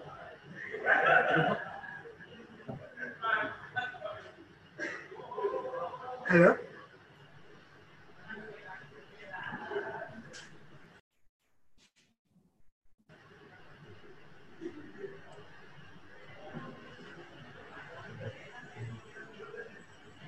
Halo? Ya, saya dengar Pak Warnata. Iya. Halo, terputus-putus Pak Popo. Ya. Oke, betul, betul. Koneksi. Saya juga dengarnya putus-putus. Halo? Sekarang sekarang sudah bisa didengar Pak Popo? Ya, saya ya. Bisa, bisa, bisa. Baik, baik. Uh, barangkali saya urungkan dulu uh, apa yang menjadi pertanyaan dari saya sendiri, tapi uh, ada satu pertanyaan yang terakhir barangkali karena waktu kita sudah habis ya. tolong diperlihatkan. Ada masuk dari uh, pertanyaan terakhir. Silakan. Mohon mohon maaf mohon tapi sebentar. Oke okay. dari Iputu Andi W oh sorry. Saya Imade Wedana PT Medana Bidana Putra. Pembangunan ibu kota baru Indonesia, tentunya pembangunan tersebut akan merusak hutan-hutan di Kalimantan. Saya ingin bertanya, apakah poin-poin penting agar konservasi hutan menjadi kota berjalan dengan baik? Ini kaitan dengan kota baru uh, yang sedang ramai juga dibicarakan silakan Pak Popo uh, Pak Popo Danes pasti sudah memiliki jawabannya. Itu untuk. Ya. Enggak. Ini ini masalah kita bersama gitu ya. Jadi yang pertama, kenapa ada ibu kota baru itu? Ya ini kan eh, kalau kita lihat ya memang karena ibu kota kita sekarang sudah tidak terkontrol menurut saya ya jadi Jakarta itu tidak terkontrol secara traffic, secara development dan sebagainya. Nah, saya sendiri sebetulnya eh, masih gamang apakah jawabannya harus membangun kota baru gitu kan memang ada alasan bahwa situasi Jakarta itu tidak sentral di Indonesia gitu kan. Sehingga ini yang menurut pengamatan saya kenapa dipindah ke Kalimantan itu karena dianggap posisinya lebih sentral gitu kan. Kalau Jakarta itu kan cenderung ke barat dan ke selatan gitu ya. Jadi mungkin cari yang lebih sentral ya kira-kira dekat-dekat Katulistiwa juga timur baratnya tengah-tengah gitu itu dianggap akan lebih uh, sentral. Tetapi apakah memang harus uh, membuat kota baru ataukah tidak sekedar menjadikan kota yang sudah ada sebagai ibu kota gitu kan? Misalnya kalau lebih sederhana kan kenapa tidak jadikan Palangkaraya atau atau Samarinda atau Balikpapan jadi ibu kota gitu. Mungkin juga ada masalah yang lain. Nah, tentu sebagai negara kita juga terbangun baik, kita juga memiliki pride gitu ya. Karena eh, pride ini adalah dengan menunjukkan bahwa kita mengerti tentang tatanan yang baru, jadi ngerti planning yang baru sehingga kita ingin menunjukkan ada showcase dari Indonesia. Karena ibu kota itu kan representasi dari per, uh, wajah negara gitu kan. Jadi masa setiap kali orang nunjukin negara apa uh, ibu kota negara Indonesia tuh yang kelihatan itu foto uh, traffic jam ya, kemacetan lalu lintas, foto orang orasi, orang demo gitu ya. Jadi perlu juga kota Indonegara itu memiliki uh, representasi wajah yang cantik melalui satu kota yang uh, baik dan terencana. Dan kota baru sebagai ibu kota negara itu juga sebetulnya terjadi di negara-negara yang lain. Nah, memang kalau kita melihat uh, dari wilayah yang begitu luasnya, mungkin kebutuhan kawasan untuk kota baru itu hanya persentase yang sangat-sangat kecil gitu. Akan tetapi memang yang dikritisi kan lokasinya itu berada di misalnya. Nah, menurut saya sebelum membangun kota itu adalah kita melihat ukuran-ukuran kapasitas ya daya dukung lingkungannya kan sangat penting. Jadi kawasan ini sebetulnya dengan building coverage berapa sehingga kapasitas kota itu jadi seberapa dan kota itu tentu akan ada pengembangan lagi gitu kan beberapa ke depan. Jadi apakah eh, menurut saya penting kalau memang di daerah sana itu ada beberapa hutan. Jadi tidak apa-apa kota itu luasnya jadi jadi eh, lima kali lipat dari yang semestinya kalau misalnya 60% wilayahnya hutan gitu kan. Jadi itu justru akan jadi eh, pengalaman yang berbeda. Cuma memang kita kebablasan. Saya sendiri berpendapat bahwa kekayaan alam ini memang boleh kita manfaatkan sebaik-baiknya untuk kemakmuran kita.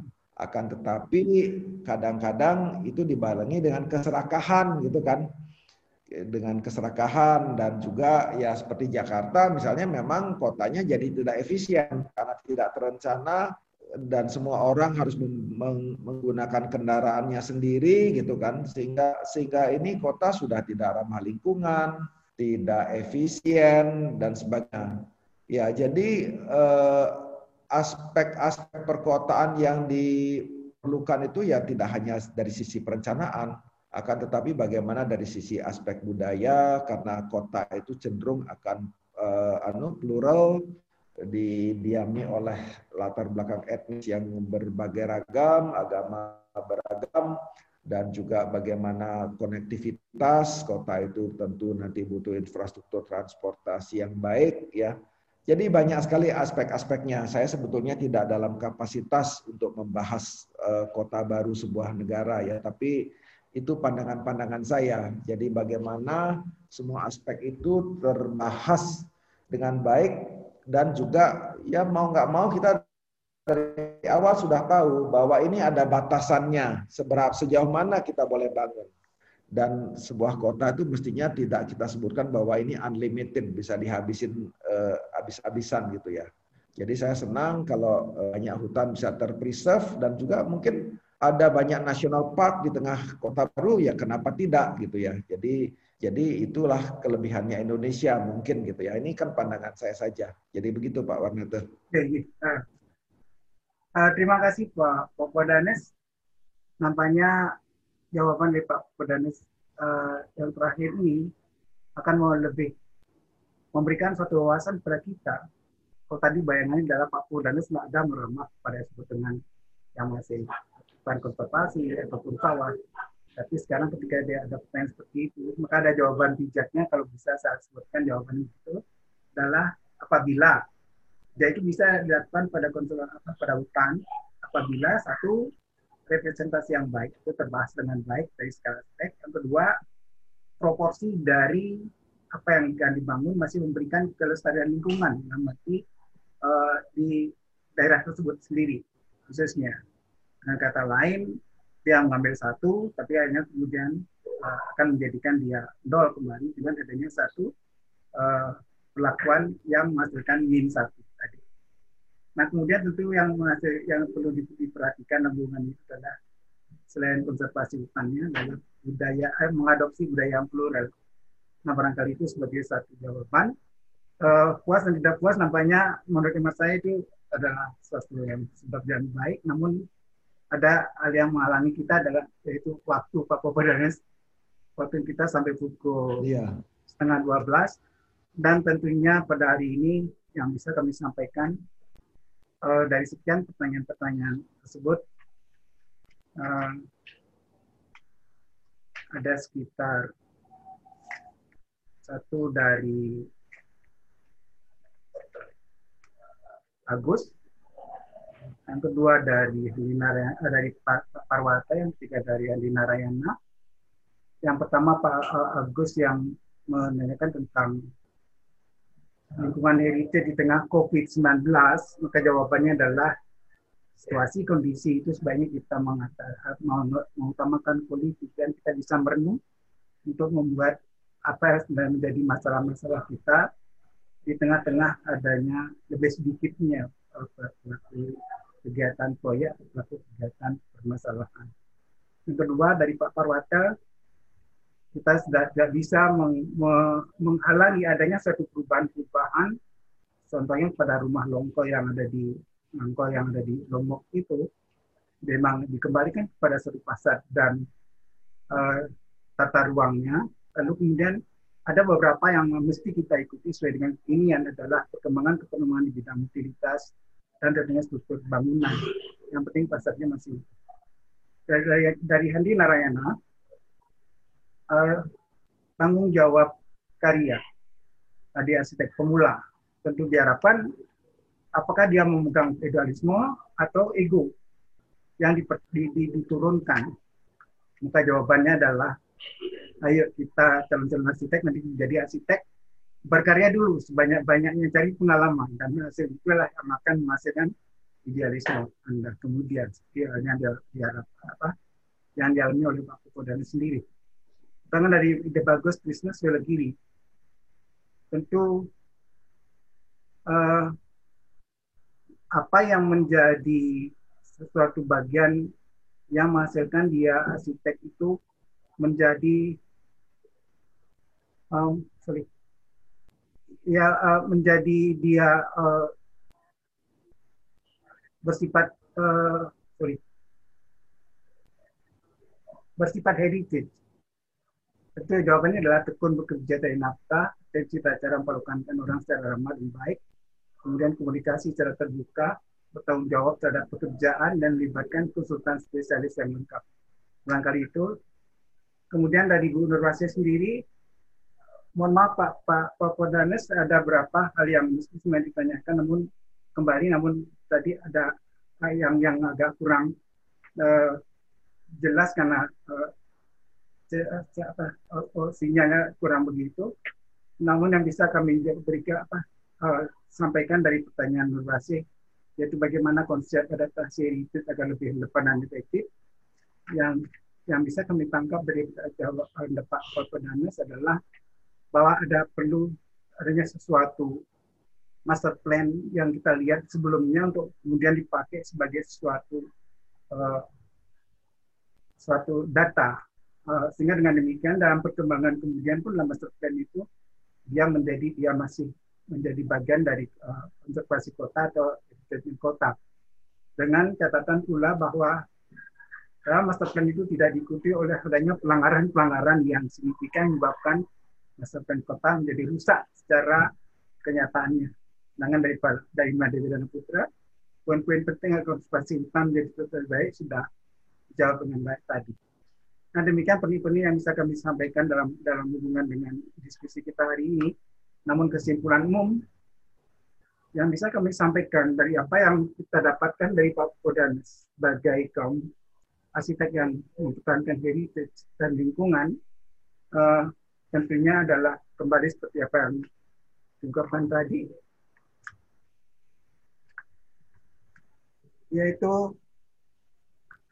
kita hendaknya apresiasi terhadap sebuah landmark atau arsitektur. Dan itu merupakan hal yang penting sebagai makna dalam perjalanan sejarah arsitektur sendiri dan sejarah kehidupan dari kita sebagai pemakai arsitektur.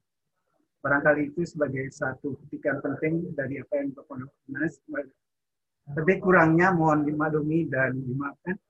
Dan waktu kita sudah mendekati pukul 19, sekali lagi uh, terima kasih sebesar-besarnya kepada Bapak Kodanes atas segala penjelasannya berkaitan dengan diskusinya kita hari ini yaitu ya, tanggung jawab terhadap lingkungan dan heritage Uh, dan sekaligus juga kami mohon maaf, barangkali undangan yang disampaikan seharusnya memang pukul 9.30, cuma di sana kami menyampaikannya sekitar pukul 9, itu adalah uh, kami sudah membuka uh, membuka link untuk semua peserta. Mohon dimaklumi dan dimaafkan sekali. Dan uh, kepada peserta-peserta yang lain, uh, Bu Bapak uh, dan mahasiswa, Terima kasih atas perhatiannya dan tentu kita bisa menyimak masing-masing beberapa hal yang tentunya apabila ada yang masih mengganjal atau mungkin jadi catatan bagi kita, uh, barangkali sebagai satu catatan itu yang bisa didiskusikan lebih lanjut pada kesempatan lain. Memang pada saat sekarang ada yang disebut dengan potensi sekaligus juga menjadi kendala. Potensinya kita bisa melakukan aspek daring untuk berkomunikasi, kendalanya adalah tentu pada sinyal-sinyal yang terputus menjadi hal yang kurang. Nah, uh, demikian yang bisa kami sampaikan sekali lagi, uh, sekali lagi mohon maaf atas hal yang tidak berkenan dan dengan demikian maka diskusi tanggung jawab terhadap lingkungan dan heritage pada hari ini di itu dengan ucapan selamat siang. Terima kasih. Saya Alif. Terima kasih saya sekali kepada Bapak dan kita semua Iya, Iya, terima kasih.